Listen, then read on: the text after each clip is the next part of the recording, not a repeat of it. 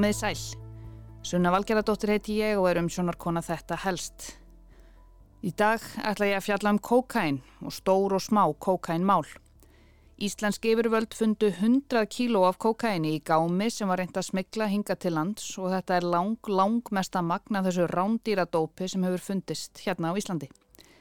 Fyrsta málið sem var kallað stóra kókainmálið snýrst um 1 kíló. Svo kom annað stórt kókainmál það snýrst um 16 og nú í vikunni tilkynnti lögreglan nýjasta og langstærsta kókainmál sögunar.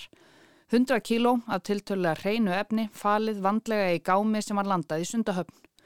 Fjórir eru í haldi, ekki góðkunningjar lauruglunar en eiga líklega töluverða fangelsisvist fyrir höndum verðir fundnir sekir. Götuverðið á efnunum getur hlaupið á miljörðum króna.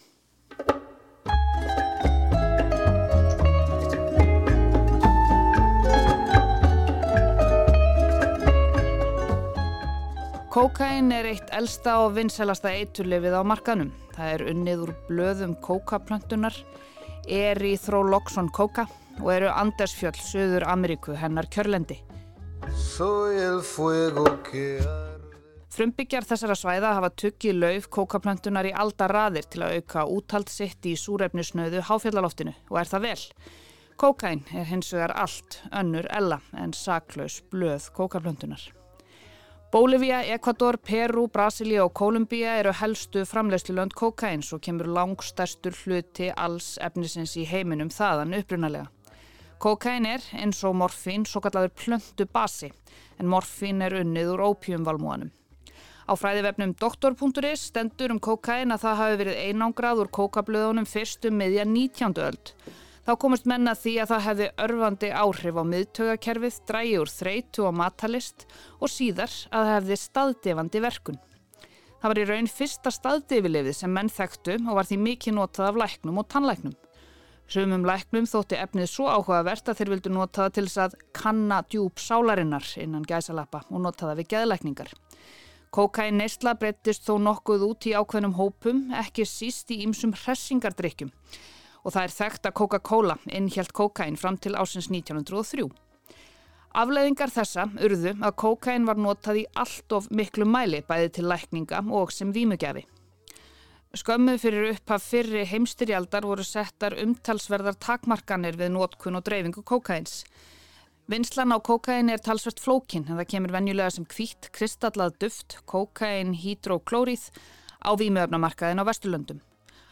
Áður en það er sett á göturnar til sölu er það blandað með mjölkursikri eða þrúusikri til að auka þingdina.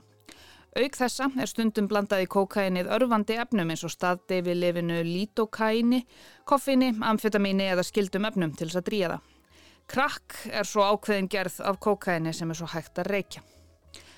Áhrif kókains eru fyrst og fremst örfandi. Það reyndir burt hungri, þreitu og sifju, veitir líkamlega vímu, það hressir fólk við og eigur stundum sjálfströst. Kokain blokkar endur upptöku dopamins, fólk myndar þól gegn því mjög fljótt, ofskömmtun er algeng og það er mjög ávanabindandi. Og svo eru eftirkostin og niðurtúrin með því versta sem gerist. Kokain hefur verið vandamál á Íslandi í ára raðir þó að faraldurinn hafi aldrei orðið eins allræmdur í Evrópu eins og hann varði í bandaríkjónum hér á árum áður þegar smiklið byrjaði frá Suður Ameríku og efnin flættu inn í landið. Íslenski yfirvöld hafa lagt halda á sendingar hingað og þangað í gegnum tíðina, stundum í ferðartöskum í leifstöðu, stundum í bílum, stundum í gámasendingum, það er allur gangur á því, nokkur kíló hér, nokkur kíló þar. Einu sinni heil 16 kíló í einu og það var sögulegt.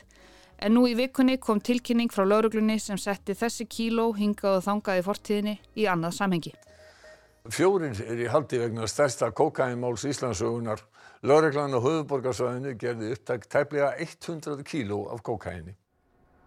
Samkvæmt heimildum fréttastofu eru mennirnir ekki þekktir og eiga sér ekki stórfælda afbrotasögu. Efnið var falið í vörusendingu á leið til landsins. Samkvæmt heimildum fréttastofu var það falið í timbursendingu í gámi. Það hafi fyrst fundist í Hollandi og svo gert upptækt hér. Aldrei hefur verið lagt halda á jafn mikið af kókaini hér á landi. Ætla má að götu verði efnana hlaupi á miljörðum. Efnið fannst í samvinnu lauruglunar á höfuborgarsvæðinu, lauruglunar á Suðurnesjum, ríkislauruglustjóra og hér að saksóknara í rannsókna á skipilæðri brotastarðsemi. Þetta var Elsa Maria Guðlöks drífidóttir í sjónvarsfréttum 17. ágúst. 100 kíló. Það er rosalega, rosalega mikið magn af kókaini með við það sem gengur og gerist hérna á Íslandi. S.A.A. er yfirleitt nokkuð vel með puttun á púlsinum hvað varðar neyslu menningu Íslandinga, eðlilega, það er þeirra starf. Frá aldamótum hafa samtökinn byrt lista á VF sínum þar sem á finna götuverðið á hinum og þessum fíknefnum, löglegum og ólöglegum. Kókainið er selt í grömmum á götunni og hefur verið það lang dýrasta á markanum, enda oft kallað ríkramannadóp, dóp efristjættarinnar, dóp fínafólksins. Grammið af kóki kostaði um aldamótin 2000 í kringum 10.000 kall. Til samanburðar kostaði þó grammið af amfetamíni eða spíti um 3500 og ein e-tabla kostaði kringum 3000 krónur. En verðið á fíknefnum helst oft nokkuð í hendur við almennt verðila í landinu og smám saman hækkaði verðið á kokaini en er þó sveiplu kent milli mánada. Það fer allt eftir frambóðinu eða hversu miklu næstað smikla inn í landið þar að segja. Kokaingrammið fór upp í 13.500 krónur sumarið 2005, 14.500 í jólinn 2007 og svo kostaði það 18.000 krónur tveimur árum síðar, hrun jólinn 2009.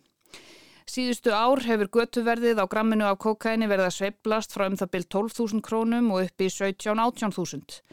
En aldrei hefur það verið jafn hátt og í síðustu verðkönnun S.A.A. sem náðu til 30. mæ 2022, það kostaði 19.000 krónur. Tæpar 20.000 íslenskar krónur fyrir 1 gram af kóki.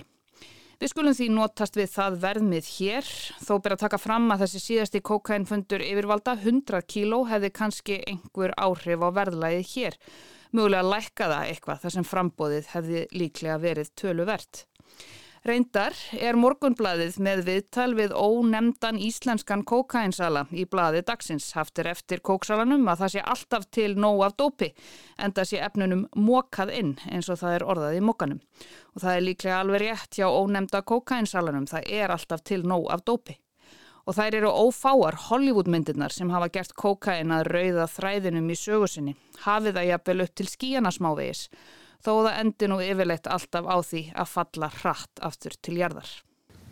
Key to success in this racket is this little baby right here. It's called cocaine. Right. It will keep you sharp between the ears. It'll also help your fingers dial faster. And guess what?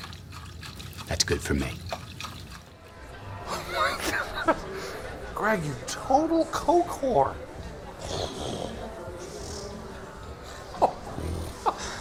I need to. Should I puke? Not unless you can puke up your entire bloodstream. oh my god, man. That's strong I hope, drugs. I know. I hope you don't die. You want to flick this? Okay. Have to play with you. Come on. Okay. Do you want to play rough? Okay. Uno. Say hello to my little friend. Where did you get this stuff? Colombia.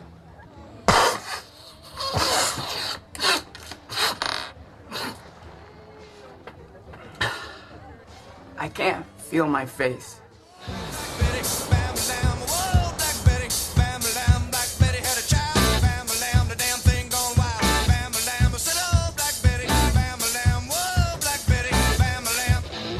Þetta voru nokkur af fjölmörgum kokaintengdum atriðum úr Wolf of Wall Street, Succession, Scarface og Blow.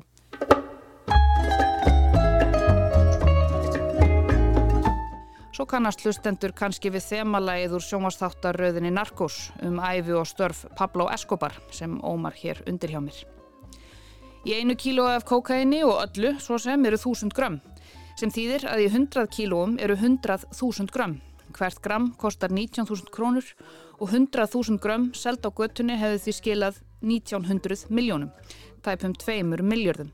Það ber að taka fram að þetta er lauslega áallað, það liggur til dæmis ekkert endanlega fyrir hversu reynd þetta efni var, hversu mikið það hafi þá verið hægt að þinna það með hinn og þessu sem hefði þá geta skilað enn meiru í kassan á göttunni. En svo verðist sem að það sé reyndar frekar reynd. Þessi kokainfundur gerir tölur síðustu ára þegar kemur að magni sem yfirvöld hafa fundið hér heldur hjákáttlegar. Samkvæmt tölfræði ríkislauglustjóra var lagt halda á allsum 165 kíló af kokaini á árunum 2013 til 2020. Þetta er 8 ára tímabil. Langmesta magnið fannst hér árið 2019, meira en 40 kíló, en þó í litlu magni hingað og þangað yfir árið. Og þá var talað um kokain faraldur á Íslandi.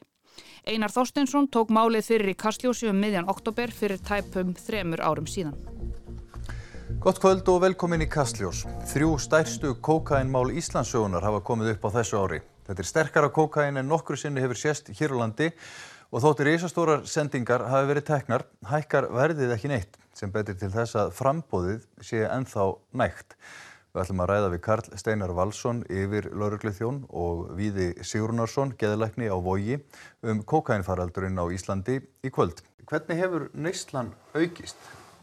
Hún hefur aukist mjög mikið. Við sjáum það sérstaklega hjá ungu fólki. Þetta er, þetta er meiri hlutin af fólki sem er að nota kókain er ungt fólk. Meðanvaldurinn hjá okkur er kannski 28 ár sem eru inn á Vogi. Sko, allt þetta flæði af kókaini sem er ekki bara mikið, þetta er, sko, þetta er stert kókain, mikil geðaði það er bara mynd, nú er bara verið að myndast hópur, nýr nýsluhópur fyrir þetta efni hérna. Það er bara verið að búa til neytendur -hmm. fyrir kókain. Svo kókain er mjög ávanabindið efni og þarf ekki að nota lengi til þess að vera mjög háðari. Og þegar þú ert með tilhengu til að vera fíkin í fíknefni þá er kókain það efni sem bara kveikir fyrst fíknina. Hing, hinga til hefur þetta meir og meina verið efni sem er búið að minnst okkosti eh, sko, dríja nefur í, í hérna allavega, þetta er milli, sko, yfirleitt yfir 80% í dag, jáfnveg mjög nálega 90% sem Ný... er eitthvað sem við hefum bara ekki séð. Sko. 90% er, það er, er bara, bara hreint. Það er bara hreint, sko. Og það er náttúrulega miklu hættulegra efni líka þegar ef að menn eru að fara, ef, ef að menn eru að fara að neyta þess í, í, í, í hérna, þannig, en það eru auðvitað að gefa þeim tækifæri líka til þess að drýja verulega Já. það sem þeir eru að selja. Þetta voru þeir Karl Steinar Valsson, yfirlauruglu þjóttn og Víðir Sigrunarsson, geðleiknir á vogi í Kastljósi fyrir þremur árum um kókain faraldurinn og stóru haldlagningarnar það ár. Svo liðu nokkrin mánuðir og í janúar 2020 kom þessi frétt í sjónvarpinu. Næri 30% fleiri ungmenni leituð á landsbytalan vegna Livja Ítrunar í fyrra en árið 2018. Forstöðum að bráðuþjónustu segir efnin verið að breytast, meira sem kókain og minna um sterk verkjalið. Við erum líka að sjá fleiri og ný efni í þessu. Í árunni í fyrra þá sáum við tilkomu aukningar í kókaini og við sáum spæs byrja að koma. Þannig við höfum alltaf ágjörð af því þegar ný efni bætast við. Að fleiri leiti á spítalan vegna kókains rýmar við bráðabýratölur ríkislauglustjóra fyrir síðast ár. Lauglan hefur aldrei lagt halda á jafn mikið að kókainu á einu ári. Við færum okkur aðeins fram og tilbaka í tíma í þessum þætti um stóra kókainfundin Þetta viðtal við yfirleikni bráðadeldar landsbítala var tekið fyrir um það byrj tveimur og hálfu ári síðan á svipuðum tíma og yfirvöld fundu yfir 40 kíló af kokaini yfir heilt ár og var það sögulegt. En Íslendingar og þá kannski helst íslenskir fjölmiðlar verðast ekki hafa mjög marga titla upp í erminni þegar það kemur að því að nefna svona mál. Flest hafa heyrt af stóra fíknefnamálinu, stóra amfetamínmálinu og svo muna kannski sum eftir fyrsta stóra kokainmálinu. Þessi frétt byrtist í morgunblæðinu 7. júni 1990. Stóra kókainmálið. Þrýr dæmdir í tveggja til fjögura ára fangelsi.